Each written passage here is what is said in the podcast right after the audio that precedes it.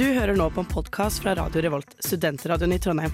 Du kan sjekke ut flere av våre programmer på radiorevolt.no, eller der du finner podkast. God lytting!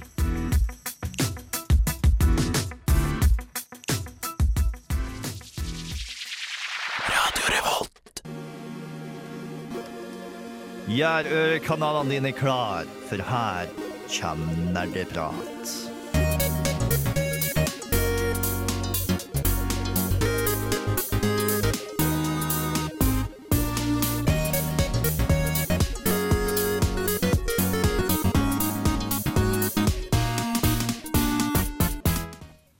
Hei og hjertelig velkommen tilbake til en ny, deilig og smakfull sending av Nerdeprat. Eh, Gunn eh, altså velger adjektivene med omhu her, fordi i dag skal vi nemlig snakke om mat i videospill og mat, nerde matkultur, eller hva man skal kalle det. eller noe sånt. Vi er tilbake i studio, vi er klare for å snakke om mat. Vi har spist noe jævlig god mat de siste dagene generelt, og derfor har vi blitt inspirert til å snakke om mat. Ja, akkurat det vi er. Mitt navn er Håkon, jeg er programleder. Med meg i studio så har vi Oxy-poxy. Lars Martin. Og Bård. Oksana, du er endelig tilbake. Velkommen Ja, tilbake. Ja, sant, jeg har ikke vært der på tre uker. I'm not dead Det er yet. hyggelig å høre, og vi skal selvsagt få høre hvordan det har gått med deg de siste ukene. Men Ja. før det så skal vi høre en låt. Vi skal høre Ultra Ritual eh, av Hongemeng. Og så får du innsjekk fra Oksana og oss andre, naturligvis. Men først låt. Aktung! Aktung! Nerdeprat er på igjen, og dette krever din fulle oppmerksomhet. For vi snakker om de mest sofistikerte emnene i historien, nemlig videospill og andre nerdeting. Jeg sa aktung!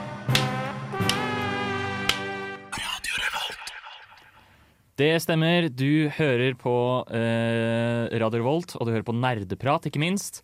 Vi skal ha en innsjekksrunde, og vi spør, starter naturligvis da med å spørre Oksana. Du har ikke vært med på en stund. Jeg har ikke vært med på en stund, og jeg har eh, altså, eh, jeg har, altså jeg har hatt eksamen, og det har vært påskeferie og diverse ting, så vet du hva, jeg har faktisk eh, spilt ganske lite.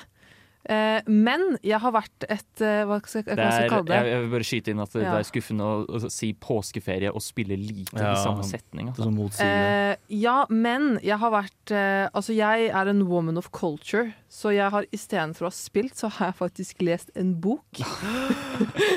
Og jeg har ikke lest hvilken som helst bok. Jeg har lest Silmarillion Ja, okay. av Riktig Tolkien. Ja, ikke sant? Ja, ja, ja. Altså, dette er fortsatt veldig nerdeprat-relevant, fordi at, hallo, det er Ringenes herre. Og jeg leste Altså, jeg er kanskje en fjerdedel inn i boka, og det har gått en uke. For jeg fikk den var da forrige onsdag. Og så, altså, jeg er snart halvveis, liksom, og det er en feit bok. Så, og jeg har bare lest og lest og lest og lest, og har ikke klart å stoppe, for jeg syns det er så spennende. Den boka kan er dum! Boka dum, ass! Kalte du det som en fjerdedel nesten halvveis? Hva? Stopp. Greit.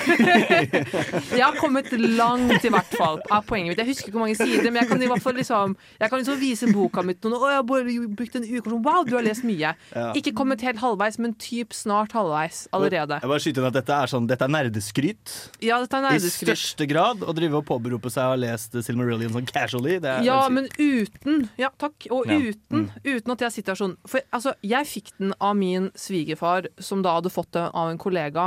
Fordi, han fikk den fordi kollegaen syntes det var vanskelig å lese den, for jeg leser den jo på engelsk, som en woman of, of culture gjør.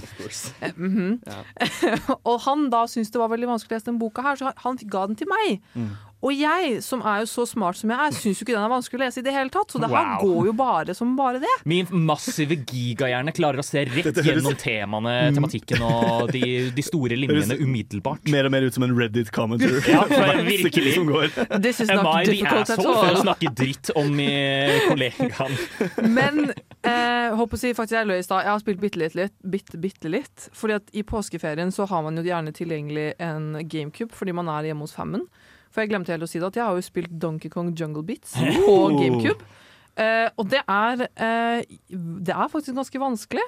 Den der, eh, Er det habanero-nivå eller chili-nivå eller en eller annen sånn der spicy nivå får ikke vi Altså vi, klar, vi har ikke klart å runde spillet. Det har gått hva da, 17 år? Og vi fortsatt ikke Eh, klart å runde det. Til info Donkey Kong Jungle Beat er en plattformer som er designet rundt bongotrommene til Mm. Donkey Konga. Mm. Um, som var rytmespillet til Donkey Kong. Da. Men så har det Ja. vært sånn, ja, vi bruker de kontrollene og så lager vi plattformer. Og det er faktisk skikkelig bra. Oh, ja. Ja, og herregud, jeg kom på også at jeg har jo faktisk spilt også Mario Kart Double Dash. I Ah. tillegg. Oh, Selvfølgelig. Og Det eh, beste Mario Kart-spillet. Med trommene. Uh, faktisk uh, uten trommene. Okay, ja. Men jeg gjorde det faktisk såpass dårlig at jeg spilte bare én gang. Mm. Fordi jeg ble tvunget til å spille Rainbow Road, og det hater jeg fortsatt. Jeg anser meg selv som en ganske god spiller, men bortsett fra det Nei, men Mm. det var det. Ja. Lest bok og spilt GameCube. Det er jo en uh, god uh, Ja, hva skal man si? Du har jo fått gjort en del, du. Ja. Em, bra ferie. Godt å ha deg tilbake, Oksana. Hyggelig. Ja. Oh, og jeg skal komme med så jævlig mange Silmarillion facts om neste uke. Også bare vent. Vi- Jeg er din Ringenes herre, law master. R slash gigabrain. Ja. Du, får gå, du får huke tak i Oksana om du ser på gata for å fylle dine Ringenes herre-spørsmål er da en. Sindar Elf, Ja. hvis det er lurt. Eh, tusen takk, Mike Litoris, for eh, tre måneder sub til Nerdeprat. Det var big poggers av deg. Eh, sykt kappa Omegalull Sag om du ikke hører på er subba til Nerdeprat. Altså, herregud, dance game, liksom. Hey, takk for sub i hele to år, da, eh, mister Ben Dover. Det stemmer. Du hører på Nerdprat. Og vi fortsetter innsjekksrunden vår, fordi vi, vi må høre fra de andre også. Altså oss andre, da. um, som er her i studio i tillegg til Oksana. Em, Vi skal høre fra Lars Martin først. Hva har Ja. du gjort? Jeg har gått uh, crazy goblin gamer mode, og jeg har spilt ferdig Dredge. Det burde jeg si. Det burde jeg si. Ja, ikke sant? Ja, ja, det var eh, det var gøy. Med en gang jeg kom litt inn på det sporet dere snakka om i forrige sending, at det er på en måte en slags lineær story du kan følge, så gikk det jo veldig fort. Men, men jeg koste meg veldig på veien, og bare den, eh, den atmosfærespillinga likte jeg veldig godt. Den meditative spillinga vi snakka om forrige gang. Gjorde du alle sideoppdragene? Jeg prøvde, men jeg driver jo og dreper disse cultistene, da, som jeg ikke gir fisk. Så jeg får jo ikke gjort de oppdragene. Eh, Jeg kommer tilbake, og så er de sånn Ja, der ligger det et skjelett. Og jeg bare Å ja, OK, sånn. Men du, du, du hadde liksom ingen løse tråder? Jeg fikk jo ikke achievementen. Nei, men du har uh, Så noen løse tråder må det ha vært. Ja. OK. Ja, tror jeg i hvert fall. Mm. Ellers så har jeg begynt å collecte i God of War, og det tar gud bedre meg så jæskla lang tid. Og jeg blir så frustrert, fordi det er sånn de, de uh, main story-puzzlene du har, er egentlig ganske lette. Men med en gang du skal inn på noe side story-shit, så blir bare Det bare blir så vanskelig i hodet mitt. Jeg klarer ikke å få det skikkelig til. Mye av det er veldig wacky tobacco. Wacky tobacco indeed, Ja. altså. Jævla godt sagt. Uh, så jeg satt faktisk rett før sending og kasta PS5-kontrollen min i veggen fordi Kratos ikke var på lag. Boy, sa han. Og jeg bare Ja. Jeg beundrer uh, din, uh, ditt engasjement og ditt Hva skal man si? Din vilje til å ville prøve å på en måte fullføre alt det der. Det er Fordi med, med en gang eh, Jeg fant Jeg tror jeg har funnet 40 av de 50 ravnene. Ja, ja, ja. Og, og jeg tenkte sånn Å, kanskje jeg skal finne alle. Og Mm. så fort jeg innså at jeg manglet åtte stykk, og jeg ikke ante hvor de var, så var jeg sånn Jeg gidder ikke. Jeg Jeg på, orker jeg er på 41 nå. Ja. Still, still going strong. Jeg har fortsatt pågangsmot. Men det er basically det jeg har gjort. Jeg har spilt litt DND òg, men det kan jeg ta en annen gang. Det har jeg lyst til å bruke litt tid på. Ja. Bård? Jeg har egentlig ikke spilt så mye, i hvert fall ikke nytt. Jeg har spilt uh, Little Lost Ark fordi det kom en veldig stor oppdatering i denne uken, så jeg har prøvd å forberede meg for den. Utenom det, uh, fortsatt på Metroid. Nå driver jeg og samler sånne ting, jeg også, men det er visstnok viktige ting som jeg må Jeg regner med at jeg må ha for å faktisk fullføre ja, det her er den berømte McGuffin-jakten. Ah. um, som er på slutten av hvert eneste Metroid Prime-spill. Hvor okay. spillet tvinger deg til å gå gjennom hele overworlden på nytt for å samle noen McGuffin, sånn at du kan komme deg til siste boss. Hvordan rater du det konseptet, Bård? Jeg har, altså, det er litt frustrerende, fordi jeg har jeg tror jeg mange som fire-fem. En av dem bare vet jeg ingenting om. Det er bare en rekke spørsmålstegn. Uh, en av dem har jeg prøvd å finne. Den uh, finner jeg ikke ut hvor jeg skal ha tak i. En annen er skjult bak en oppgradering jeg ennå ikke har. Uh, og så har jeg en, en boss til som jeg må bare få drept, som er utrolig irriterende. U faktisk utrolig irriterende. Eh, men utenom det så er det ganske greit. Altså Alt det andre jeg har prøvd å lete etter, har gått veldig fint. Sånn sett så er det veldig fint med den artefact-jakten nå, da, fordi det, poenget med den er at du skal gå gjennom eh, de stedene du har vært, med alle oppgraderingene, sånn at du kan plukke opp hver eneste ting du har Og gått så glipp av. er det veldig gode beskrivelser. Altså det er litt sånn gåte-ish, men det er ikke veldig vanskelig å skjønne OK, jeg skal dette her, OK, og så ser du etter ting da. Mm. Så det er, det er, det er bra. Altså det er, men det hadde vært bedre om jeg kunne fått den siste oppgraderingen bak den jævla fienden som jeg ikke klarer å drepe. Ja. For hvor eh, Altså, uh, McGuffin-jakten blir ofte anerkjent som den verste delen av spillet. Men den er godt gjennomført for hva det er. Ja, og så gir det deg mulighet for liksom samle oppgraderinger du ennå ikke har funnet. Det For eksempel, eh, tidligere i dag så fikk jeg en ny bombe bare fordi jeg utforska litt til. Jeg har Ja. funnet tre-fire mer liv. Det er liksom sånn Ja. Plutselig Mm. bare ser du at den hadde jeg glemt at fantes, og nå kan jeg ha en mulighet til å faktisk få tak i det. Mm. Dette er jo også Den Overworld McGuffin-jakten er jo veldig God of War. Når jeg tenker Ja. meg om, fordi Med en gang du får spoiler alert, det spydet, så får du, kan du bare unlocke nesten 50% av kartet. på en måte Og Det er en sånn god følelse, syns jeg. ja, Å bare gå gjennom og låse opp, låse opp, låse opp. låse opp, låse opp Mm. Ja. Mm. definitivt. Um, jeg har egentlig ikke spilt så mye siden sist. Uh, men jeg har prøvd meg på en ny ting som heter Eller en romhack, da. Som heter Pokémon Emerald Rogue. ja. Som er Pokémon Emerald, bare restrukturert som en rogelike. Fett!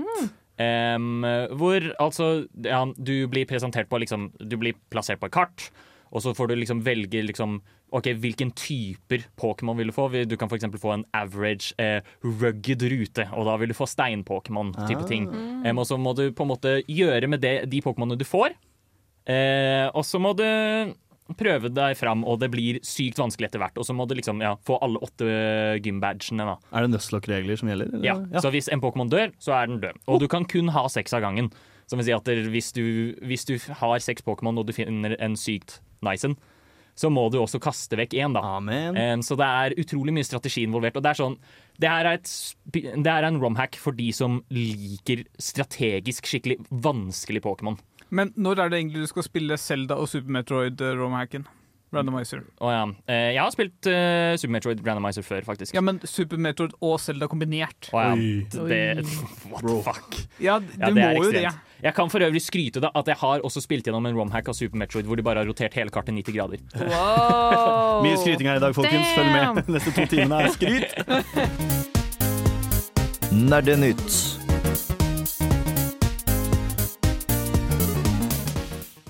Det stemmer. Vi skal høre litt grann nyheter, men det har jo egentlig ikke skjedd så veldig mye eh, i det siste. Men vi har ting å snakke om for det, eh, og det er viktig å snakke om det som er nytt. Take. Eh, spesielt du som eh, Håkon, som har spilt Resident Evil 4. Ja. Nå har den fått eh, mikrotransaksjoner for å oppgradere våpen. Det var jeg overrasket over å høre, og det er utrolig rart, syns Jeg, jeg jeg. skjønte heller ikke det da jeg fikk høre om det forrige uke. Det var bare Hvorfor er dette en ting? Jeg tror jeg, jeg tror jeg generelt også syns konseptet mikrotransaksjoner i singleplayerspill er litt merkelig. Ja. Fordi det her er en campaign som på en måte er bare sånn Ja, det skal være helt fullstendig uforstyrret av noen Ja. sånne ting. Word. Um, Men det, det virker som det bare er liksom, du kan betale for å få tak i en lettere versjon av spillet. ja. Det virker som det er lagd for eh, 9 to 5 workers som har to timer å spille på kvelden. Eller, Tror du ikke det? eller laget for noobs. Eller nubs. ja. Men også en annen ting som er viktig med Resident Evil, er jo at der, eh, du får ikke oppgradert alle våpna. Det er en del av på en måte Mm. greia. At du får, du, du får ikke oppgradert alle, du må prioritere hva du skal oppgradere. Men kan det hende at du kan oppgradere alle med dette her? Ja, det vil jeg tro, da. Hvis man faktisk kan betale for å oppgradere våpen. Exclusive upgrade tickets. Å ja, ikke sant. Ja, det er ehm, så, så du kan kjøpe disse med ekte penger? Ja. Det gir mening. Um, der hvert eneste våpen har en sånn spesiell perk som vanligvis kun låses opp hvis du har oppgradert våpenet helt fullstendig. Ja. Men eksklusivticketen lar deg låse opp den f uten å oppgradere alle. Så da kan okay. du Ja. Det, det gjør jo egentlig ethvert våpen utrolig sterkt. Ja. Eh, det spekuleres også på Reddit om at eh, dette kanskje blir lagt til sånn Altså en liten stykke etter lansering, sånn at det ikke vil komme på anmeldelser av spillet. Det er Oh. veldig smart. Big brain, big brain. Og det er, også, det er også for øvrig smart å gjøre det etter alle har spilt det allerede. Ja.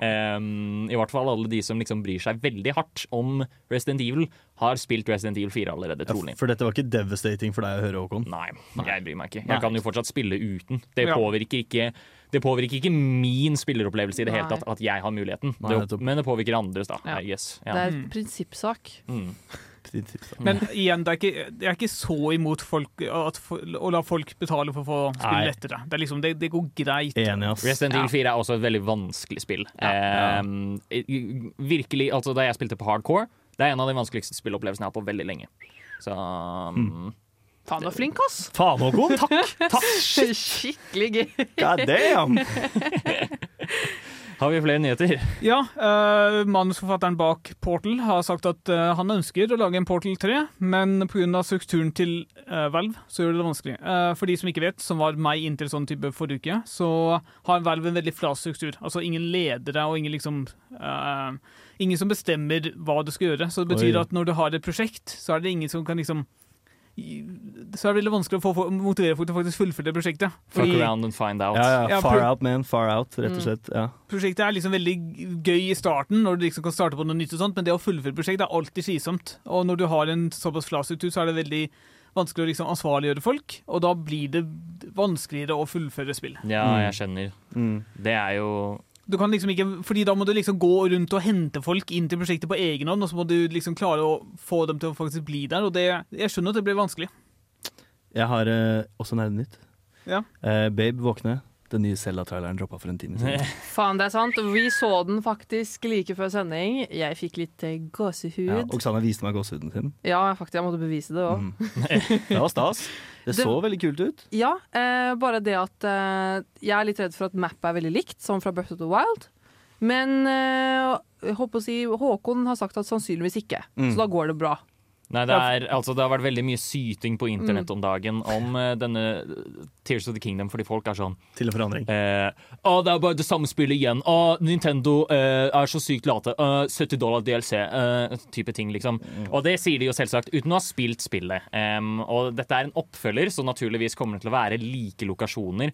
Men du ser jo det på traileren og, eh, og liksom den gameplay-revealen de hadde for eh, en uke, to uker siden. At det spillet vil jo fungere veldig annerledes. Ja. Og så Grunnen til at veldig mye føles riktig, er fordi det er samme motor, det er samme fysikk, Ja. det har samme, Mm. mye av det samme teksturen og sånne ting. Ja. Enig. Det blir litt som uh, Ocarina of Time og Majora's Mask, tenker jeg. Ja, Ja. ikke sant? Altså.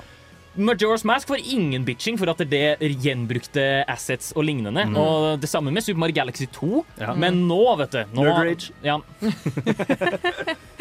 ja, men eh, gamere er så ukonsise på hva de velger å hate. Uh, og jeg blir Ja, nei. De, gamere er ikke undertrykken, men de fortjener å være det. Eh, la det være leksa. Vi skal høre en låt. Uh, wholesome.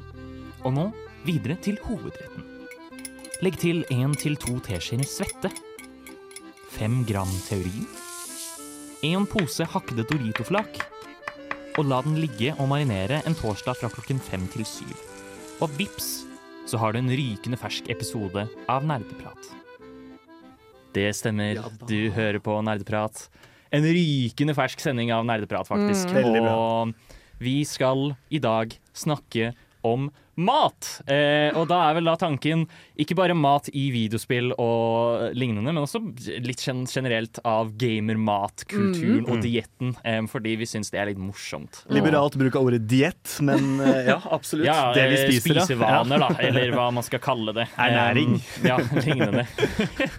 Hvorfor har vi egentlig denne sendingen? Hva, hvor kommer inspirasjonen fra? Nei, fordi denne uka her, på tirsdag, så spiste vi middag sammen hos Lars Martin. Ah. Og da satt vi og spiste en veldig god risotto, og Ja. så var jeg sånn Hallo, skal vi lage en, en sending om mat? Mm. Og jeg var sånn, ja, hvorfor ikke? Hvorfor ikke? For det er mye å gå på, og vi hadde en veldig koselig middag. Ja. Eh, og spiste veldig god mat, og fikk til og med et glass vin. Ja. Det var helt fantastisk. Ja. Eh, men også så gjorde vi en nerdeprat-tradisjon når vi spiste middag, at vi spilte Mario Party. Sanna, vil du si det, eller skal jeg si det? Hva vil du si?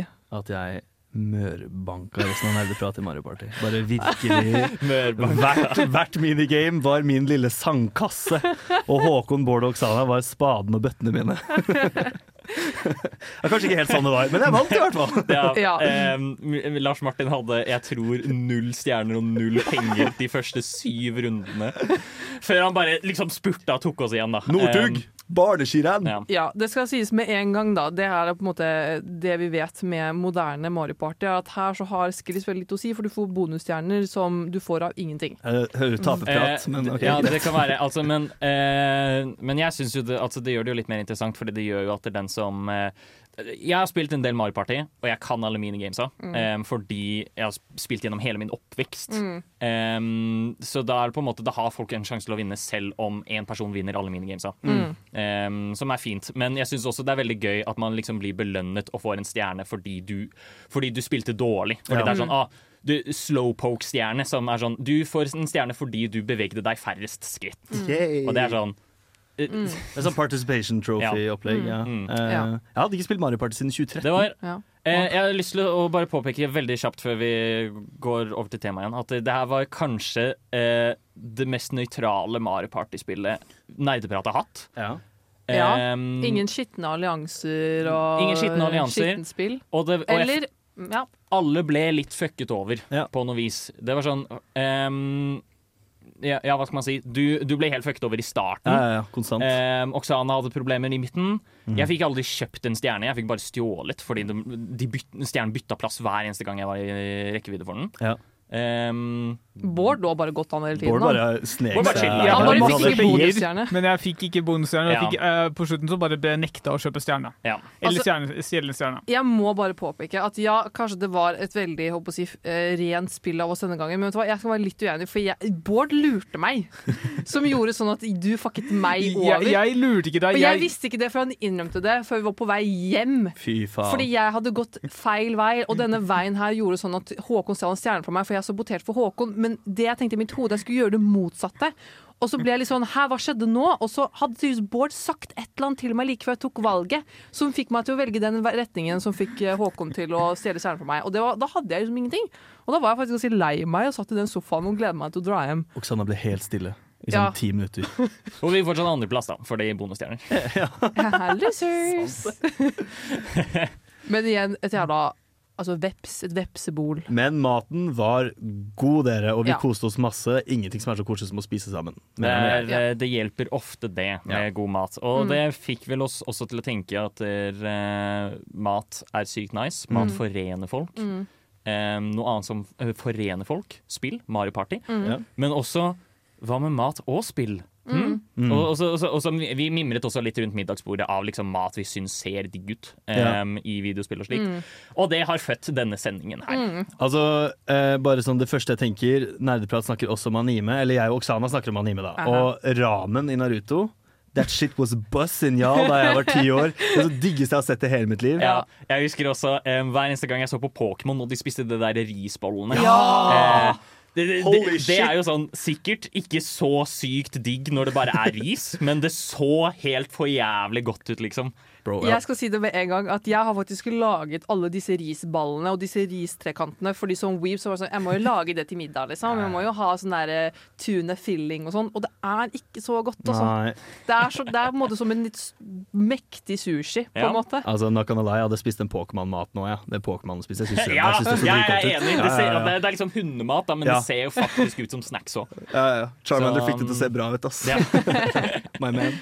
Um, men ja, så i dag, da. Um, eh, vi mimrer jo nå litt over hvor digg mat ser ut. Og så er det, er det på en måte litt gøy å tenke over hva slags plass har egentlig mat som konsept i videospill. Det, skal vi, uh, det er det vi skal, i hovedsak skal prate om i dag. Vi skal se på de spillene som vektlegger mat og lignende som liksom, hovedgreia si, men også hvordan uh, mat generelt fungerer i videospill, og hva slags mekanikker de bringer til bordet. Men først så skal vi høre en låt. Vi skal høre Kaja Gunnufsen med 'Jazzing med Kaja'. Snupper, vil du være med og høre på nerdprat, eller? OK, her kommer vi! Det stemmer, du hører på Nerdeprat, og vi skal prate om det første av eh, ja, hva skal man si matvideospill. Em, kanskje en av de eneste spillene som faktisk er ordentlig kjent for Som er eh, iconic. em, jo da, men, eh, men eh, også veldig få spill da, som spesialiserer seg på dette med matlaging. Men vi snakker selvsagt om Cooking Mama. en, eh, en fin liten hva skal man si, nisjespillserie om det å lage mat. Men hva, hva, hva går det ut på? Hva For jeg som aldri har Jeg har så vidt hørt om det. Hvis jeg skal sammenligne det med noe som helst, så er det som WarioWare, men alt, alle minigames er matlaging. OK.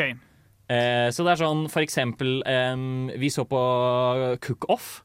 Cooking Mama Cook Off-spillet, som er det til We. Um, litt grann før vi gikk inn i studio. Hvor eh, de blant annet hadde sånn minigames hvor du liksom har We-remoten, og så skal du dra den ned for å skrelle poteter og Så klart. gulrøtter Så klart. Det så Um, helt grusomt ut. Virkelig. Oksana.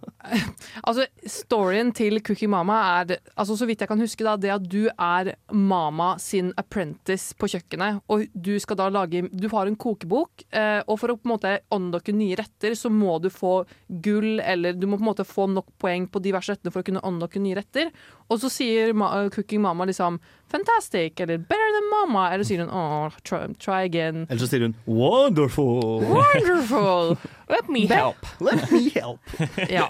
Men hvorfor vil man spille dette istedenfor liksom Cook Serve Delicious, hvor du har litt lignende, men du faktisk driver en restaurant? Fordi jeg var ti, OK, ja. Så, det eh, er sånn spill, først og fremst. så dette er spill for tiåringer, liksom? Ja, altså sånn Jeg spilte det Altså, jeg, jeg spilte Cooking Mama helt insanely, insanely mye. Eh, og jeg syns jo bare det var gøy at det var sånn Jeg kunne liksom Det kunne komme liksom en, eh, en østeuropeisk rett. Det var sånn Oh my god, mamma, se jeg kan lage borsjt i Cooking Mama. Gadd jo selvfølgelig aldri å hjelpe til IRL, ikke sant. Men jeg satt da flere timer etter skolen mens mamma satt og så på med og prøvde å skrelle denne gulroten og prøve å kutte dette kjøttet og liksom kna deigen og ikke få det til. Og det var Altså, det er faktisk et utfordrende spill. Okay. Det er så sykt arbeiderklasse-mareritt, det du beskriver her. Å komme hjem fra jobb, du har jobba hele dagen, og så kommer du hjem og skal lage middag til det utakknemlige barnet ditt, og så sitter hun og simulerer matlaging på Wii i stedet for å hjelpe deg med den faktiske matlagingen i kjøkken, på kjøkkenet. Oh my god, ass. Hei, jeg hjalp til på kjøkkenet, jeg òg, da. Det var det var morsommere å lage det i Cooking Mama. Og det jeg håper å si eh, Jeg har også sett Jeg tror det er ingen av oss som har spilt eh, det Cooking Mama-spillet som er til Switch. Ja, Ikke sant? For Det det ble jo regelrett slakta pardon the pun av uh, IGN. Ja. Ja. Altså, det ser helt likt ut til det Cooking Mama fra Wii, Mm. bare at det er bi bitte litt bedre grafikk, men enda dårligere mechanics. Jeg tror de sa at de har lagt til tre piksler. Ja. Ja, De har lagt til tre piksler, og mechanicsen er enda dårligere, og det har fått helt syk slakt. Hva, hva mener du med legge til tre piksler? Det var min dårlige vits på at grafikken var sånn originalt oh, ja. bedre. Ja. Ja. Å nei! Altså En annen ting som for øvrig er viktig eller verdt å nevne med Cooking Mama, da, som gir det litt sjarm En ting er at minigamesa ofte er på en måte De er lette, de er eh, sjarmerende på et vis. Em, og så er det på en måte Å, du må time hvor lenge du skal ha på ovn og bla, bla, bla. sånn type ting Men også at det faktisk er et litt større sortiment av eh, oppskrifter og slikt du kan lage i spillet. Ja, og de oppskriftene er veldig detaljerte. Og det skal sant skal sies, eh, til spillets cred, eh, teknikkene de bruker, spesielt skjæreteknikkene, er veldig nyttige. Så jeg tror du fikk mye ut av å spille det som kids. Bare sånn måten man slicer og deiser og poteter og grønnsaker og sånn. ja, ikke sant. Bare sånn så fort jeg kan. Ja, klarer, du, klarer du å kutte løk som Mama gjør? Cooking Mama gjør? Oh, ja, altså nå altså the, the apprentice has become the master. altså, nå kan jeg kutte løk bedre enn hun mamma. Det er store ord å komme med her. Men er dette, er, okay. er dette noe vi skal ta med oss videre om 50 Burde vi snakke om det her om 50 år? på en måte? Burde neste Ja. generasjon få Cooking Mama? Ja, ja. Vet, Ja. Du, vet du hvorfor? Fordi at eh, Cooking Mama, det var eh, Altså, jeg ble skuffa. Altså, jeg ble flau når jeg ikke fikk det til Ja. i Cooking Mama. Sånn når jeg fikk sånn derre mm, Try again, si, eller ja. Altså få, fikk sånn der at jeg ikke fikk noe poeng, eller ikke fikk noe sølv, gull eller bronse, så ble jeg jo oppriktig lei meg. Mm, mm. Altså Jeg som barn var helt sånn Herregud, jeg, fikk, jeg klarer ikke å lage denne sushien, for jeg klarer ikke å koke risen riktig, for jeg klarer ikke å time den jævla ovnen, og det overkoker. Ikke sant? Det, ikke sant? At den der, derre alle som måtte ha spilt Cooking Mama, vet det der ansiktet Cooking Mama lager når du da har feilet. Du er sånn mm, mm, Try again. Og ser at hun er kjempeskuffa over deg. Oksana, dette er veldig sterke traumer du eh, beskriver. Dessverre har vi ikke tid til eh, psykoterapi her og nå, men vi kan snakkes litt senere hvis du vil. Ja, veldig gjerne, faktisk. Eh, ja, det, men det er åpenbart et spill som lærer deg på liksom eh, the highs and lows av ekte cooking. da Ja. Ja. Ekte matlaging Ja. her. Um, og altså, det er jo typ et lavterskelspill. da Liksom sånn Utrolig lett å bare hoppe inn i og lage litt mat. Og nyte litt WarioWare-aktig gameplay. Her må det vel være VR-potensialet? Ja, Det er det. ja, men vet du hva? Hvorfor, hvorfor, altså, Cooking Mama VR det er en idé som kan pitches. Kjør på. Mm. Haha, du aktiverte nettopp mitt trap card. Nå er du nødt til å høre på nerdprat til episoden er ferdig. Nani?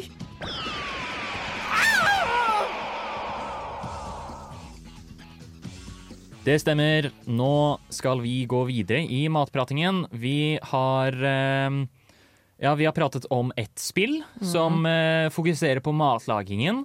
Og vi skal prate om et til spill som fokuserer på matlagingen, men ikke bare det, men også det uhorvelige, jævlige helvete stresset det er å være en kokk. Vi skal snakke om Overcooked. Håkon suppa di er tørr. Hæ? Suppa di er tørr. Nei! Hilsen ikke. Håkon Ramsay. Er, er det lov å si at Overcooked egentlig ikke fokuserer så mye på matlagingen? Altså, Du gjør ting i en rekkefølge, men det er liksom ikke noe Ja, altså det kunstnerisk er, et, eller noe sånt. det er et lett fokus på matlaging, men det, altså, i bunn og grunn det er et spill som handler om at du altså, eh, er én kokk, og så har du med deg én til tre andre kokker, altså to til fire spillere. Og så, skal, og så får dere matoppdrag, og dere må lage all denne, alle disse oppdragene og slikt. Og så må dere huske å vaske opp, og så må dere huske å gjøre andre ting. Alt dette i de mest kaotiske, villeste nivåene i verden. Sånn som det er ett nivå som er genuint at du kjører liksom på toppen av to lastebiler. Ja.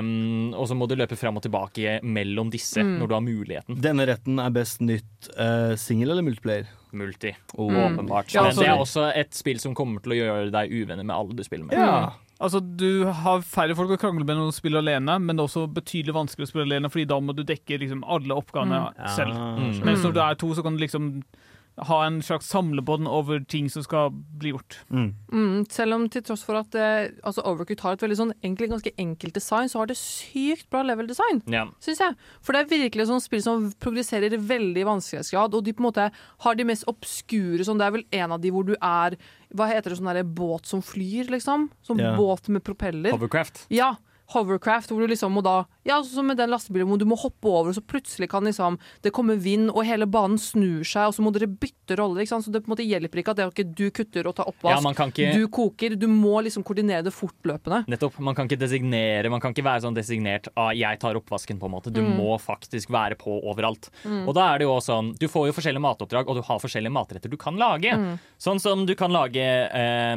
pizza, du kan lage burger, du kan lage dumplings, og du kan lage kake og masse forskjellige typer ting. Og ut ifra hva du skal ha, så må du jo også hente de riktige ingrediensene. Og hver rett har også forskjellige måter de skal forberedes på. Og liksom selve forberedelsen er ikke noe du gjør aktivt, men det er bare noe du liksom Du må passe på at du f.eks. ikke steker noe for lenge, em, og du må passe på at der, eh, ja, du gjør det i riktig rekkefølge. At der, eh, ja. Så det går bort fra det fine, detaljerte fokuset i Cooking eh, Mama og over i mer det generelle stressmomentet av Ja. å være line cook, rett og Ja. slett. Mm. Altså, du, du holder inne en knapp for å kutte ting, eksempel. Du, Ja. er, du kutter ikke ting selv, du bare holder inne en knapp for å gjøre det som skal gjøres på den stasjonen. Ah, Ok, ok. Mm, og så altså, kan du begynne å brenne. Som jeg syns er en veldig sånn Egentlig ganske bra detalj i spillet. Dersom du koker noe for lenge, så begynner det å brenne, men da må du hente brannslukkeren. Men det kan hende at brannslukkeren er på en annen side av banen enn Ja. der det brenner, og så kan det være en sperre i midten. Så da må den personen som da er på andre siden, hente eh, brannslukkeren, og så kaste den over til deg. Altså, sant? Ting tar tid. Og eh, jeg er vel, er vel ganske sikker på at hver bane varer sånn i ca. tre minutter. Så det handler om å på en måte få ut mest mulig retter på kortest tid, og så går du da liksom på stjerner. da. Ja, du, du får en rating på slutten Mm. av hvor godt du har gjort det. Er det Ja. sånn du kan egentlig aldri vinne spill? Jo, jo, du kan, du kan Jo. absolutt gjøre det. Du kan, Ja. jeg tror det er, altså, det er vel tre stjerner rating Ja. som Ja. er den høyeste. Og hvis du får tre stjerner rating på en bane, så går det jo kjempebra. Og jeg tror du må få x antall stjerner for å kunne komme deg videre til neste nivå. Mm, Ja, du, ja. jeg tror du samler inn stjerner for å låse opp nye nivåer. Ja. Så det er ikke bare bare minimere skadene dine, det er Nei. faktisk vinne. Ja, ok, ja. Og det er vel egentlig en story i Overcooked også, Ja, Oi. som jeg ikke husker med han der, han kongen som er en, eh, som er en eh, Meet the ball. er, han, er han ikke en løk? No, noe sånt. Kanskje det. Han er nok en løk, ja. Som sender deg ut på Det oppdrag. Det her har jeg helt Det er en feberdrøm. jeg, tror at i uh, Overcooked 2 så er det Unbread som uh, står for de døde. Det er Det er det jeg husker om 2. sinnssykt gøy. Oh my god. Og det, det, det forteller jo veldig liksom hva slags vimsete og useriøst spill Overcooked egentlig er. da Ja. Til tross for hvor stressende innpakning det har. og sånt Men det er et spill som på en måte ikke skal tas veldig seriøst. Og det er jo på en måte Det er stresset av å være en kokk, Ja. men liksom dratt opp til 100, fordi Ja. det er det mest tullete spillet Ja. i verden. Og er sånn, Ja. Det er ingen som lager mat på toppen av to lastebiler, men vi gjør det, fordi hvorfor ikke? Hvorfor liksom. ikke? Um, og det, det er jo på en måte fokus i det spillet her. Og jeg syns sånn sett etter å ha spilt Overcooked, jeg har aldri lyst til å bli kokk. Nei, Nei. Sånn, etter å ha sett uh, The Bear eh, og spilt Overcooked, jeg skulle nevne aldri lyst til å Helt bli enig. kokk. Helt enig. Ja, og så tror jeg at uh, hvis du har lyst til å være glad i kjæresten din resten av livet, så ikke spill det med dem, ass. Fordi man blir Oh. pissur. Ja, for der kan man gå og se, se Sitte på fredag kveld på Switch Store, og så er det sånn Skal vi spille et spill, du og jeg, sammen? Og så Oi, matlagingsspill! Det syns jeg er gøy. Og så går det til helvete. Det var akkurat det Nikolai gjorde Ja. tidligere år. Og det kan dere høre på andre sendinger, for det snakket jeg masse om hvor mye han suger nostalgi Ja, i vi har hørt masse om det. Ville du sagt at du nettopp roasta Nikolai? Oi, oi, Wow. oi. Hei, det er Kyra Gørvla Kygo Nei, bare kødda. Det er Thomas Seltzer. 30 år eldre enn Kygo. eh, Og du hører på Radio Revolt. Du hører på Radio Revolt, og du hører på Nerdeprat. Um, tusen takk, Kygo Thomas Seltzer. Um, vi skal nå snakke om litt mer chille bakpå matlaging. Um, fordi Overcooked er jo helt fullstendig stressende. Altså, Cooking Mama er vel kanskje også chill, da, men eh, eh, Men nå, nå skal vi snakke om eh, spill som ikke nødvendig altså, Her er jo ikke mat hovedgreia, men eh, det er virkelig en sto det, er, det er fortsatt en stor del av det, og det er mye potensial her. Aller først, altså Det er et spill som rett og slett det lar deg mikse og lage ingredienser for å få spesielle effekter. I det aller første tilfellet, åpenbare tilfellet, ehm, som virkelig har fått til mat. Å, fy faen. Breath of the Wild. Ja, ja da. Åh, Det var noe helt spesielt å måtte gå inn og samle ingredienser, for du skulle lage den spesifikke risen. Jeg syns også um, det, det er bare for å kaste inn med en gang Uh, Breath of the Wild sin matmekanikk er rett og slett at du, du kan samle ingredienser overalt. Eh, og så lenge du har liksom en potte med en ild under, så kan du lage hva som helst med de ingrediensene. Det er ikke nødvendigvis at alle kombinasjoner av ingredienser blir en matrett, men em, d, d, du har veldig mye potensial der. Matlagingen har en sterk intern logikk som gir kjempemye mening i systemet det eksisterer i. Eh, har du oppskrifter også som du finner i verden, eller bare prøver jeg er ganske sikker på at du prøver deg fram selv. Du får oppskrifter til noen ting, men at du prøver deg fram selv. Ja. Og så vil du ha den oppskriften for alltid, da, når du har laget den. Um, og uh, en annen ting som må, uh, spillet gjør utrolig bra eh, Spillet introduserer denne mekanikken til deg utrolig bra. Ved at der, um, en av områdene du må gå til for å få liksom eh, en av Chica Slate-oppgraderingene dine, er i et iskaldt område. Ja. Og, og da er det en person som tipser deg om at hvis du lager eh, en matrett som jeg, jeg husker ikke helt hva den har, men den skal ha en sopp og den Som skal ha en- chili. Ja, en type chili. Ja. Og, da får, og da får du en matrett som holder deg varm i sånn ca. ti minutter. Som gjør at du kan gå opp på dette iskalde fjellet uten å miste liv. Det var mitt uh, kall det gjerne et surprise Pikachu-face-øyeblikk, da jeg fant ut på en måte hvor dypt Breath of the Wild faktisk går. da Mm. Når jeg var sånn Dette kommer til å hjelpe meg videre. Jeg Ja. må engasjere med matsystemet. for å komme Det meg er et kjempebra introduksjon til ehm, hvordan matmekanikk fungerer, og hva du kan få ut av det. Fordi eh, veldig vanlig i spill er det jo at hvis du ser mat, så er det som regel for å få tilbake liv. Men Breath of the Wild lar deg få liksom mye mer enn bare liv. Det, er jo sånn, altså, det kan gi deg bonusliv, at du får mere, flere heart containers enn du egentlig har. Det gjør at du kan eh, ja, at du tåler kulde, du kan tåle varme bedre, sånn type ting. At du blir sterkere i et par minutter. Med stamina. Ja, mer stamina. Masse greier. Eh, Jeg tror det også er en som lar deg ha uendelig stamina litt, er det ja. ikke? Jo, jo, Ja. absolutt. Så det er utrolig mange sånne småting som på en måte gir det virkelig dybde. da Og da blir det jo opp til spilleren å finne ut hva de kan gjøre. Nettopp. Og i tillegg så er eh, Dette her vet Nerdepratredaksjonen veldig godt, fordi jeg har stått og dansa til den sounden mellom, eh, mellom, eller, i løpet av sendinga i pausen. Men alt jeg har gjort med liksom lydeffekter, mm. liksom hvilke, hvilke blipper som kommer på skjermen, hvordan alt bare skjer, er så deilig. Sånn, jeg kunne sittet og lagd mat i cella i flere Det har jeg for så vidt gjort, i flere timer om gangen. Ja. Ja. Og at man kan være så sykt kreativ. Altså, jeg har jo en liste foran meg med alle rettene man kan lage i Breath of the Wild. Og de har liksom vegetarian entrees, seafood entrees, Woke. meat and fish entrees, desserts, og så monster food. Ja. Eh, noen liker det òg. Men det er jo en failure-mekanikk her òg, for du kan jo lage det som vi kalles dubious food. Og det er når du blander litt feil type ingredienser. Så Ja. det er jo litt rom for å feile her Ja, det, det verste som skjer da, er vel at maten din gjør ingenting. Den, Ja. den er ikke aktivt skadende. Nei, den er ikke aktivt skadende, men du, du, sånn, du får tilbake ett hjerte, for Oh. eksempel. Og det er jo trist eh, Wow, når det er så lite av det. Men akkurat det med lyddesign syns jeg var veldig viktig å ta frem, i hvert fall når man på en måte prøver å utforske med ingrediensene og slikt.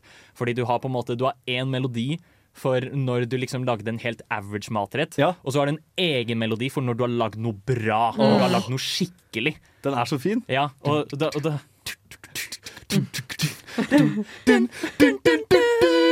Åh. Det er bare og, og når du hører den da, du prøver deg på noe helt nytt, og så hører du den, og så er det sånn Yes! Yes! Jeg er god! Ja jeg er masterchef her i hjørnet, liksom. Masterchef Hyrule. Hell yeah. Det er en utrolig følelse, og det er utrolig gøy. Og det var liksom sånn fordi det var så annerledes og liksom så interessante ting man kunne få ut av de forskjellige mateffektene, gjorde også at jeg hadde lyst til å lage mat. Veldig. veldig. Ja. Superengasjerende. Mm. Jeg og eh, eh, min ekskjæreste kunne lage middag sammen, som betyr at jeg kutta agurk, og hun gjorde absolutt resten. Og så satt vi og lagde masse eh, Hestella-mat etterpå sammen, og det var veldig hyggelig. Et av de Mm. beste minnene jeg har fra Breath of the Wild. Uten Ja. tvil. uten tvil Mm. Ja, men det er jo så godt. Det ser godt ut, mener jeg. Ja, Mm. absolutt. Jeg kan også nevne superkjapt, eh, fordi det er et annet spill som jeg også kommer på umiddelbart som har lignende ting. Det er Paper Mario. Ja. Um, hvor hvis du har liksom hvilket som helst item, så kan du mest sannsynlig koke det med et annet item for å få et nytt item igjen. Og da kan det f.eks. være item som gir deg mer liv enn en vanlig recovery item. Eh, det kan være items som gir deg liksom flower points, som lar deg bruke spesielle evner. Eller så kan det også være ting som liksom Å, nå ble du usynlig, eller nå ble du elektrisk. mm. um, så det er på en måte litt den samme tingen da, som Breath of the Wild, bare Breath of the Wild har utvidet veldig mye mer på det. Em, jeg vil ha mer. Jeg vil ha mer av sånn type matlaging. Mer av det. Ja, og Lars Martin lagde jo en vegetable risotto for Breath of the Wild. Jeg gjorde Til det. Ja, du gjorde det. Det, Surprise ja, discovery. Definitivt det du gjorde, faktisk. Ble, ble det dubious? Nei, det ble ikke dubis. Det, nice. det, ble, det ble 13 bonushjerter. Ja. Ja, Say no more, Ja. fans. Say no more. Ikke fuck med meg! Jeg har kraften til Gud og nerdepappa på min side. Men hæ?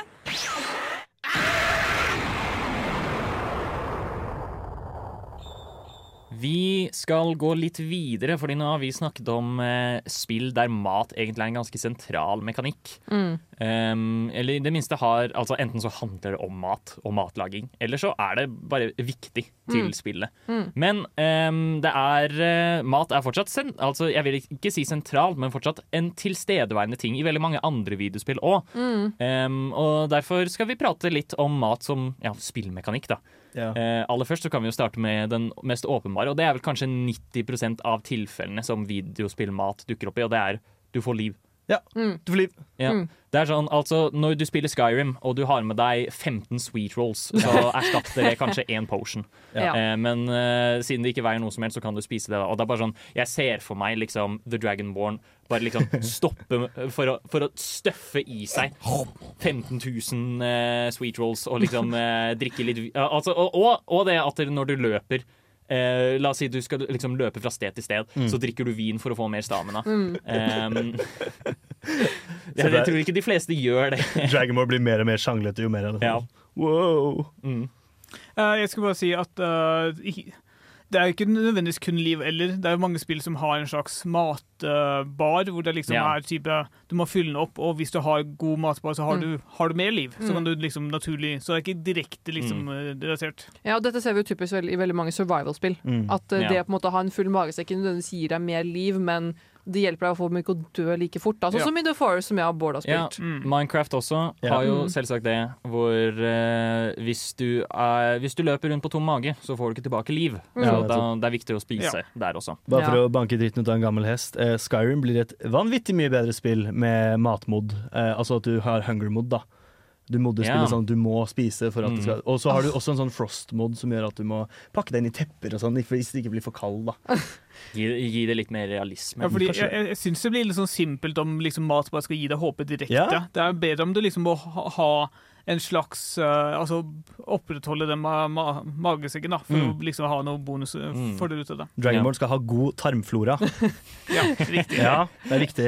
Altså, Min taktikk i Skyrim med mat også, Jeg har alltid vært sånn Nei, jeg skal heller ha masse potions, uh, health potions enn å ha masse mat. Men det er sånn når du på en måte fighter en drage som har tatt veldig mye av livet Ja, ja, ditt, og så har du tom for health potion, så bare går du inn på food og bare spiser sånn alt du Ja. har, om du så er en lik eller eh, noe rått kjøtt, og bare spiser alt som er bare for å få sånn 10 HP Mm. for å dø likevel. Ja, ja, ja. Mm. Det er sånn standard, føler jeg, gameplay i Skyrim. Mm. Ja. um, Ja. Og så har du spilt sånn som Persona 5, da, hvor du får på en måte booster stats. Ja. Som hjelper deg senere i spillet. Men det krever jo ofte en sånn kostnad om at da må du bruke noen av aktivitetspoengene dine for å konsumere denne ja. Du har jo x antall aktiviteter i løpet av et helt spill. Mm. Um, og ja, hvis du har lyst til å buffe statsa dine, så må du bruke litt tid på å lage mat, f.eks. Eller du kan. Ja. I Monster Hunter er det jo veldig uh, fordelaktig da, å spise mat før du drar ut. Det gir jo bonus i form av stats og lignende der Ja. også. Uh, det nye Ja, det gjør vel også for øvrig mm, eh, Monster Hunter World og Mm. Monster Hunter Rise. Der kan du spise spesifikke matretter og slikt, som f.eks. gjør at der, eh, det er en eh, i, I Monster Hunter Rise så spiser du dango. Ja. um, og slikt. Og da kan du velge tre forskjellige dangoer som gir tre forskjellige effekter. Eh, for- og, det, og det kan være alt fra liksom å, du har litt høyere defense til eh, recovery items healer mer, til eh, du overlever et one-shot. Eh, hit, type ting. Så det er jo også strategisk der, avhengig av hvilke monster du møter. Vi kan vel si oss enige i at matlaging i spill burde ha en enkel inngang, men et høyt tak for mestring. Ja, Eh, det er veldig fint når, og det synes jeg var fint med Breath of the Wild, som vi snakka om tidligere i sendinga. Mm. At liksom det er, det er veldig lett å bare slenge sammen kjøtt og chili, og så bam, så har du et eller annet som gir deg tre health og bla, bla, bla. Men jo mer liksom tanke og effort du putter inn i det, jo bedre og bedre blir det. Ja. Mm. Og det er eh, fordi, ja, det er nettopp det. Og det er jo det at der, eh, Jeg syns i hvert fall når jeg ser veldig mange spill som gjør så mye interessant med på en måte matlaging og slikt, og lager interessante mekanikker rundt det, så er det også veldig trist at 90% av mat i videospill er 'spis dette', Ja. få mer eh, Altså Liv. få mer liv, Mm. eller få mer eh, At du fyller liksom starvation din, eller hva Mm. det er. Ja. Um, det, det, det, er gøy når de på en måte gjør det lille ekstra da, for Ja. å liksom få deg til å ville lage mat, og få deg til å ville prøve ut matkombinasjoner. Mm. Fordi, og, og, og, og føle seg litt masterchef, naturligvis. absolutt. Um, ikke minst. Når det er sagt, så ser jo for eksempel liksom eh, Maxim Tomaton i Kirby veldig god ut. Veldig. Eh, selv om den bare gir liv. Og du blir ikke bedre housewife eller, eller husband i Skyrim når du lager mat til barna dine hjemme i ditt hjem i solitude. Ja. Wow. Um, apropos digg scene ut mat. Vi skal snakke om den beste og verste videospillmaten. Etter vi har hørt Vado med Narsissist og Dear Hoff med Miracle. Å, helvete! Jeg må forte meg! Det er en ny episode av Nerdeprat! Det kan jeg ikke gå glipp av!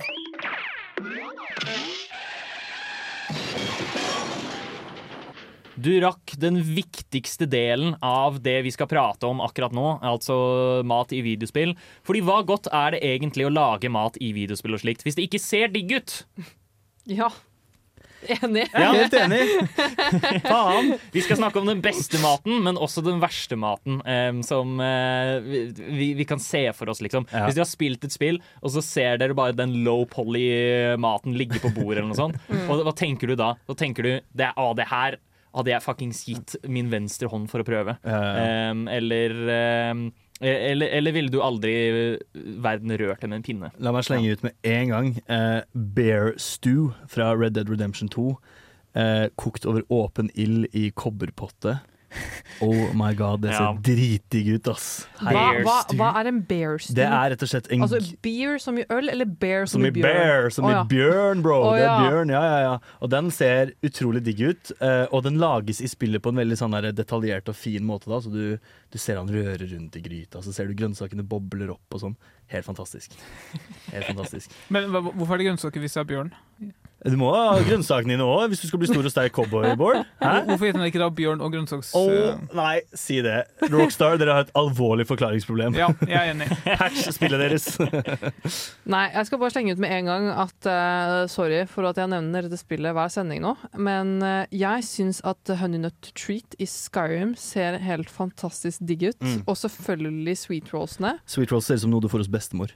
Ja, word! Og det er så best- vanskelig å lage. Ja, men Når bestemor ikke har preppa desserten, liksom. Og eh, faktisk så syns jeg at av den Minecraft-bursdagskaken man kan lage, ser sykt god ut. Ja. Og den ønsker jeg meg til bursdag Ja. Vent, fra hvilke spill da? fra Minecraft. Og Bursdagskaken i Ja, Minecraft. Den vanlige bursdagskaken man kan lage i Minecraft, den ønsker jeg meg til bursdag. Akkurat sånn kake. Da, dere hørte det her først, kjære lyttere. Om noen har lyst til å Har ikke du sånn fem kakeønsker til bursdagen din? Jo. Men alle er Minecraft-teamed. Jeg har lyst til å ta det en litt alternativ retning. Um, fordi eh, et spill vi ikke har snakket om, som har overraskende nok hatt matlaging i eh, egentlig all tid, siden i hvert fall sin tredje generasjon, det er Pokémon. Ja! Um, hvor blant annet i Pokémon Sword and Shield, siden det var satt i England, så var også um, matlaginga rundt curry. Ja. At man skulle lage curryretter og slik. Mm. Um, og der er det Jeg tror den beste av de jeg har sett, det var typ, hva var det? De kalte det tørr eplecurry. Hvor det liksom er curry rundt, på en måte og så er det dressert med epler og slikt. Og det ser, over, det ser veldig digg ut. Jeg vet ikke om det hadde smakt godt med curry med eple, men det ser godt ut. Og den absolutt liksom, Jeg kunne ikke sett for meg noe kjedeligere enn det. Det er hvilken som helst eh, curry med liksom typ coffing-ingredienser. Um, de, får litt sånn coffing rating, da. Ja.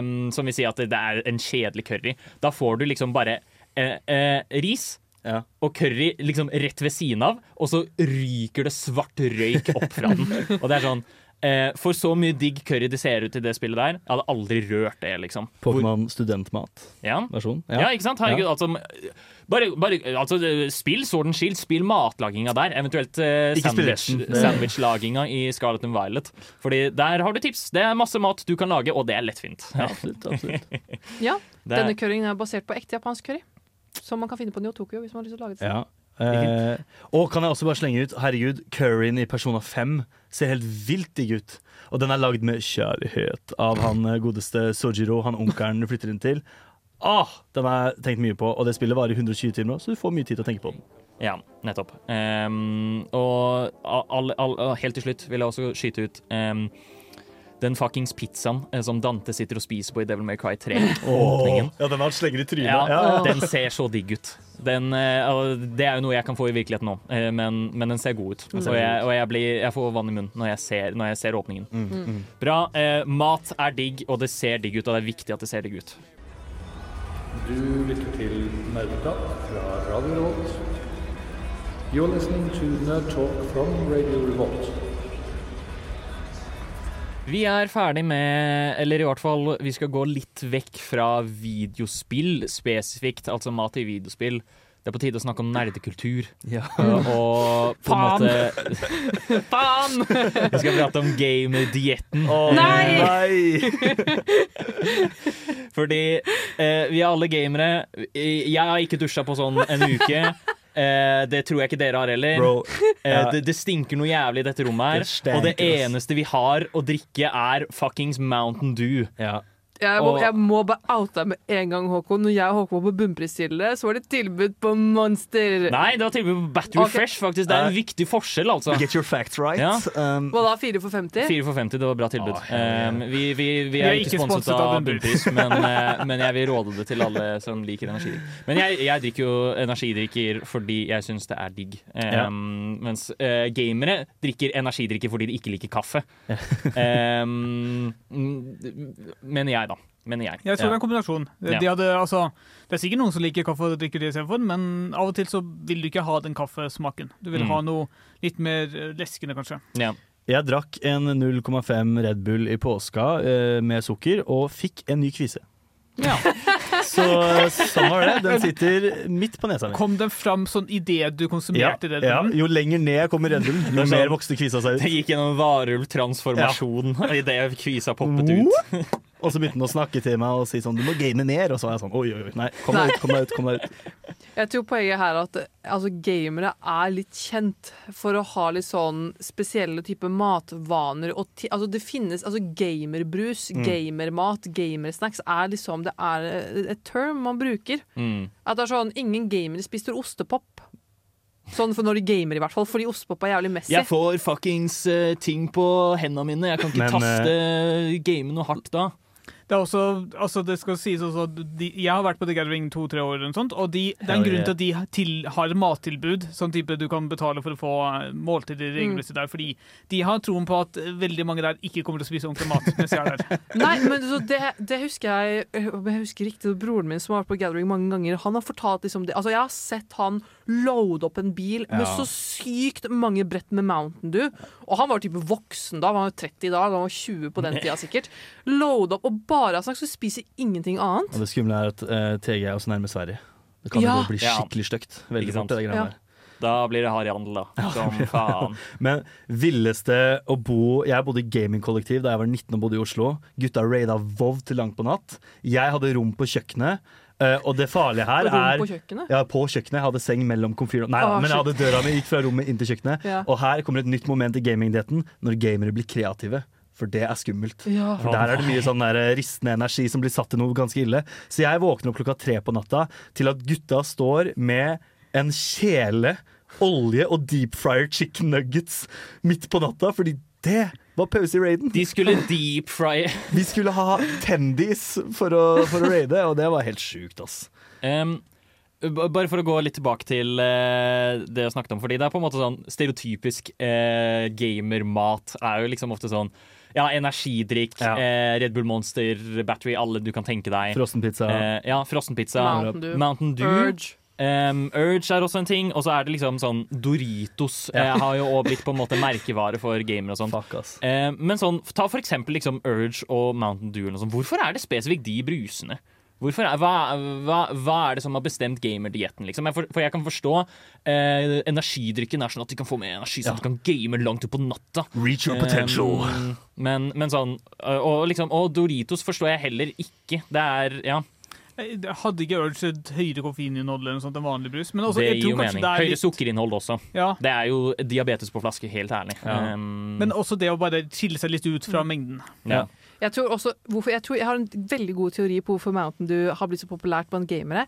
Vet du hva? Hvis man går og kjøper gamingutstyr på Power for over en så så stor pris, så får man med seg et brett med Mountain Dew. For det husker jeg når jeg fikk mitt gamingtastatur til bursdag. Så fikk jeg også en til pakke, og så var jeg sånn Hva er den store pakken her? Og så, og så var det et sånn 24 Mountain Dew 24, Altså et brett med 24 Mountain Dew. Så var jeg sånn til kjæresten min Hvorfor har jeg fått et brett med Mountain Dew? Sånn, jeg fikk det med på kjøpet. For jeg brukte over så og så mye penger på Power. Based elkjøp og Oh power. my god. Jeg tipper at Mountain Dew har liksom sponsa mye gamerting. men OK, for det er et slags svar på spørsmålet til Håkon, Mm. for det gjør de. Ja. Doritos, sponsa av Bungie flere ganger under nylanseringen Mm. av Halo. Mountain Dew Code Red, anerkjent for å være sponsa av masse ulike Mm. Call of Duty-spill. Det er en greie her, altså.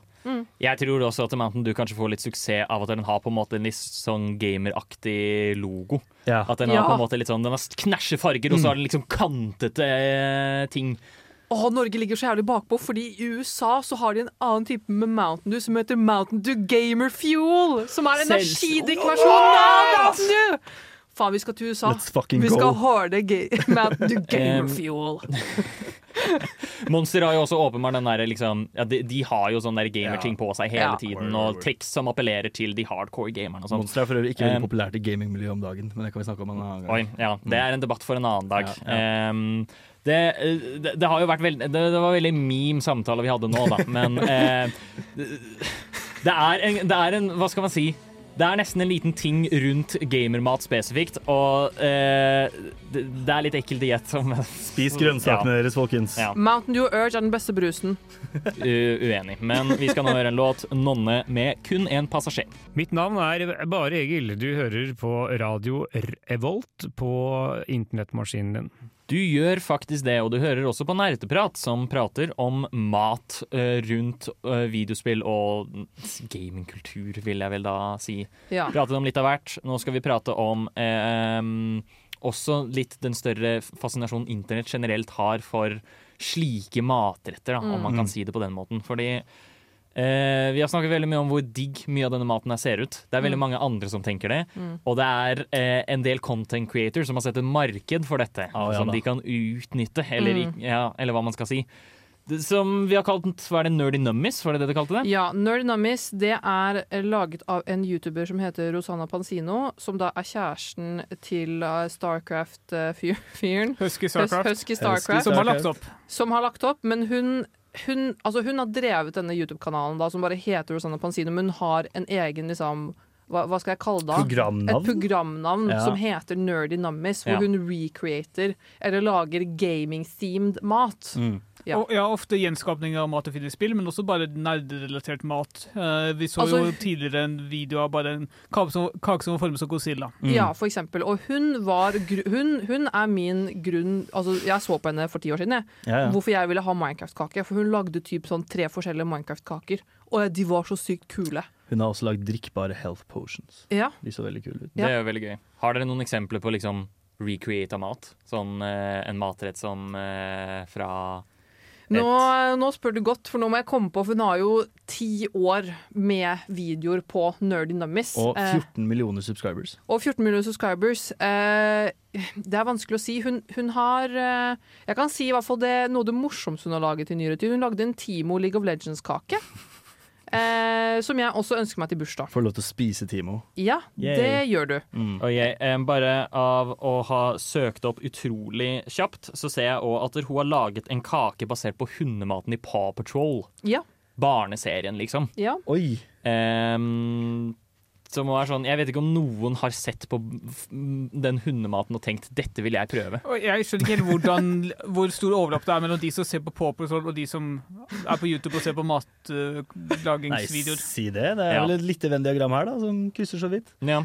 Eh, det, det, Nerdy Nummies er jo ikke den eneste kanalen som gjør dette. Jeg vil også bare shoute out Binging with Babish, som jeg har sett masse på. Han lager hovedsakelig mat fra film, men han har også lagd den nevnte bear-stuen jeg snakka om i stad. Ja. Har han lagd ute i skogen, og det er en utrolig sånn, fin sånn ASMR-video. Han har også laget uh, Den så jeg, og da var jeg sånn Å, det her ser helt sykt digg ut. Eh, Det var før jeg hadde sett Jojo's Bizarre Adventure. Men i part to av den så spiser protagonisten en sånn uh, spagetti som liksom er dekket i blekksprutink. Ja, Og, sant og det, han sa at det tydeligvis var helt nydelig, og det så helt nydelig ut. Og det er bare sånn fuck, ja. Nok en gang skal jeg være en advokat for anime i Nerdeprat. Det kommer jeg aldri til å slutte å være, så ikke be meg om å stoppe. Um, det er en underkanal av Binging with Babish som heter eh, Anime et eller annet matlaging, og der lager de matretter fra anime. Og det er jo veldig mange animeserier som handler om matlaging, hvor maten blir presentert veldig lekkert. Så det er kult å se hvordan det faktisk ser ut i virkeligheten. Ja. Og det ser veldig godt ut der også, så sjekk ut det, folkens. Vi er Mm. ikke sponsa av Binging with Babish. Nei. Um, det er jo sånn fordi det er virkelig ø, viktig å på en måte understreke også hvor store disse kanalene her er. Mm. Det var bare Nerdy Nummies alene hadde vel sånn 14 millioner subscribers. Ja, eller noe sånt Som er utrolig mye bare for å se på noen lage mat. Men folk, eh, folk lever jo Hele vår kultur er jo sentrert rundt mat. eh, Og vi eh, spiser mat for å overleve, faktisk. Å, herregud. Jeg, altså, jeg bare kan bokstavelig talt ikke leve uten mat, liksom. Ikke snakk til meg før jeg har fått maten min. Men det her er en rar energi i det å sitte og se på disse videoene. Mm. For jeg føler jeg kan sitte og se på det klokka tre på natta. Bare fully send, helt content. Bare stupdykke inn i YouTube. Word. Og sitte der i et rabbit hole i flere timer. Er det litt samme som å se på mukbang? Ja. Kanskje, men det er for to helt forskjellige Den, hensikter. da Du ser jo på drifter. Mukbang for lyden, Ja. ikke for maten Ja. nødvendigvis. Eller Ja, du er ser sant. kanskje for maten også, men Ja. for mest for lyden, tror jeg. Ja. Ja. Smatting. Ja. Nam, nam, nam. Slurping, Oh. eh, bla, bla, bla. Det er ikke det vi snakker om, men poenget er eh, at eh, det er et stort marked for matlagingsvideoer og slikt. da. Og det er jo utrolig enkelt når man på en måte Nå har jo vi i en hel sending snakket om hvor digg mye videospillmat ser ut. Da er det jo naturlig at der, når vi ikke har inchen til å gjøre det selv, så er det gøy å se Ja. noen gjøre det, og faktisk vite om det hadde vært godt eller ikke. Hvor mange prosent av scener til eh, Rosanna tror du har laget det? Prøvd å gjenskape det hun har laget? Åh, det er eh, Prosentvis tror jeg det kanskje er 2 Jeg tror det er på promille. Ja. Ja. Faen, jeg tror 0,0,0,1 eller noe sånt. Når innså du at du var en gamer? Dersom du kunne spilt kun et spill i et år Hva er det eldste spillet i backloggen din? Hva har du lært fra spill som du har fått nyte av i Er det et spill som har hjulpet deg gjennom en tung periode av ditt liv? Hva er ukas spørsmål? Ukas spørsmål er egentlig ganske enkelt. Vi har snakket veldig mye om mat, og hvordan mat ser ut, og hvordan mat lages, og bla, bla, bla, og det er kult. Men det, det, er, det viktigste man skal ta ut av dette, er jo hvordan man oversetter det i virkeligheten. Ja. Så nå har vi hatt én middag med Lars Martin. Han valgte å lage risotto. Ja. Hva skal vi lage til neste nerdepratmiddag? Oh. Mm, jeg kan skyte ut med en gang, for jeg ble egentlig veldig inspirert eh, akkurat nå. Eh, jeg, neste gang vi har middag, når jeg flytter til min store leilighet og jeg skal lage, jeg skal lage en feast for dere, da skal jeg ha en Skyrim-themed feast. For jeg skal lage sweet rolls, og jeg kan kanskje prøve meg på noe sånn derre uff, En eh, bakt potet eller apple cabbage stew. Apple dumplings. Mm, det er mye forskjellig i Skyrim som jeg kunne tenkt meg å lage til dere, men lage en sånn et stort bord med litt sånn forskjellige liksom, eh, Skyrim-retter. Ha litt sånn medieval fantasy-aktig dekor på bordet, og så skal vi sitte der som ekte Nords da, og spise middag sammen. Mm. Mm. Og diskutere borgerkrigen. Ja, og kanskje jeg kan lage noe skuma. Jeg kan lage- Jeg har, jeg har akkurat kjøpt inn ganske mange sakeflasker fra Sverige, så da kan jeg Oi. lage litt ekstra sterk, sakeding, så jeg skal eh, kalle det for skumma. Fin Segway inn i mitt svar på spørsmålet. Mm. For uh, jeg lagde jo risotto fra Breath of the Wild. Det var ikke tiltenkt i det hele tatt, men sånn ble det. Uh, Det var, neste gang- helt lik ut. Neste gang skal jeg lage ramen Oh, i- Fra fra anime. Ah, Naruto-ramen. Ja, Naruto-ramen. Og hva heter den sjappa igjen? Ichiraku, Ichiraku ramen. Det satt veldig tilgjengelig. Det er Ja. litt problematisk. Men, ja, ja. men uansett, eh, det har jeg fått lagd til meg hjemme før. Det er ikke så vanskelig som man skulle tro. Det tar bare litt tid. Så det har jeg Mm. veldig lyst til å prøve å lage til, eh, til nerdeprat. Mm. Mm. Og så skal vi ha animekveld. Skal jeg tvinge Bård til å se på OnePiece? Det blir kjempebra. Jeg har faktisk sett på One Piece. Nei, vi skal se på My Dress Up Darling. Nei, Oksana. Eh, jeg kan ta videre. Eh, for de av dere som har hørt på Nerdprat veldig lenge, vet jo at jeg er en liten Pokémon-konnoissør. Og at jeg tidligere har laget en liste av de 151 første Pokémon fra minst til mest spiselig. Altså hva som smaker best. Um, jeg ville da naturligvis kommet med kremepasta og Toros to storfekjøtt. Ah, men den ser jeg. Ja. Spørsmål. Hvor faller møkk på den lista? Um, Langt ned. jeg langt. Veldig langt. Veldig langt. jeg, jeg vet ikke om jeg vil kalle han spiselig engang, fordi han er bare giftig avfall. Ja. Um, og det er flere av de som er uspiselige. Men Thor storfekjøtt er en delikatesse. Mm. Og så ved siden av ville jeg hatt slowpoke-haler. Oh, for de er jo en greie i spillet, er ja, ikke det? Ja, ja, ja. Um, det, altså det er forretten, da. Slowpoke-haler. Um, og så for å bare shake det opp litt, altså fra en annen serie, uh, havsaltis fra Kingdom Hearts. Oh, ja. Åh. Som, eh, som jeg tror kunne vært kjempebra. Vi kan spise havsag, havsaltis og si vag dialog til hverandre Ja. eh, mens vi ser på solnedgangen. Snakker veldig mye om og rundt om eh, at vi er venner og at vi har det gøy. Ja. Og, og hjertene våre. Åh. så, så hva enn det betyr. Fantastisk. Eh, Håkon, er det Monster Hunter hvor du bare får servert et sånt stort stykke med kjøtt? Ja, ja. det, det stemmer. Bare en, bare en sånn gigantisk T-bone steak som du ser i liksom Tom og Jerry. Ja. Eh, jeg tenkte bare Alle får en sånn. Jeg er kjempefornøyd med det òg, jeg. Liksom. Ja, ja. Det høres jo digg ut, det. Fantastisk. Men jeg tror faktisk det er ganske vanskelig å lage. Ja, Ja, altså. uten tvil. Trenger mye tid? Men det, det er bare det, Jeg tror også det er et annet spill hvor du bare får en sånn stor klubbe med kjøtt som er liksom på størrelse med hodet ditt, og bare tenker bare få servert det, og det er ja. måltidet. Obelix-klubba, på en ja, måte. nettopp. absolutt. Obelix-klubba. Fantastisk. Mm. Men hvilken, hvilken gamingdessert, da? Kjapt. Uh. Hvis jeg skulle lage middag til dere. Jeg kom på. Jeg skal også ha Mountain Dew i vinglass. Ja! Hadde jeg tenkt. Å, vi skal lage Mountain Dew cocktail! Oh my god. Å, herregud, så classy det blir! Jeg allerede, men jeg har allerede sagt hva slags gamerdessert jeg vil ha. Altså havsaltis. Men dere får komme på noe, dere òg. Jeg skal lage burn is. Det er også bra. Yeah, Bra urge alternativ. is, urge slush, urge slush. Nerdeprat på Radio Revolt. Nerdeprat er ferdig for i dag. Amen. Eh, vi er ved veis ende. Vi har pratet om eh, mat i videospill. Håkon? Ja. Jeg er litt sulten, jeg, altså. Det er jeg òg. Fy faen. Kanskje jeg skal gå hjem og spise noe rolig Doritos og, Og sånt. Da, fordi, og en Grandis, da, fordi, Ah. jeg, fordi vi spiser jo ikke ekte mat. Fordi Vi er gamere, er naturligvis. Eh, Men vi har pratet om mat i videospill, pratet om eh, nerdematen. em, og ja, bare litt alt om rundt. Ja. Bra, har vært gøy, og ja, ja litt sulten. Og om det er én take home message i dag, kjære lyttere, så er det at jeg vant overlegent i Mario Party. Tusen takk for oss. Um, eller ja, ja, OK. Mat, men, men mat er også godt, da. Ja. Og det er kult at det, Ja. det er mat i videospill. Ja. Nå, Og Mountain Dew og Urge er den beste brusen. Jeg vant i Mario Party. vi skal avslutningsvis høre Lea med My Pleasure. Ha det bra! Ha det bra! Du har lyttet til en podkast på Radio Revolt, studentradioen i Trondheim. Sjekk ut flere programmer på radiorevolt.no.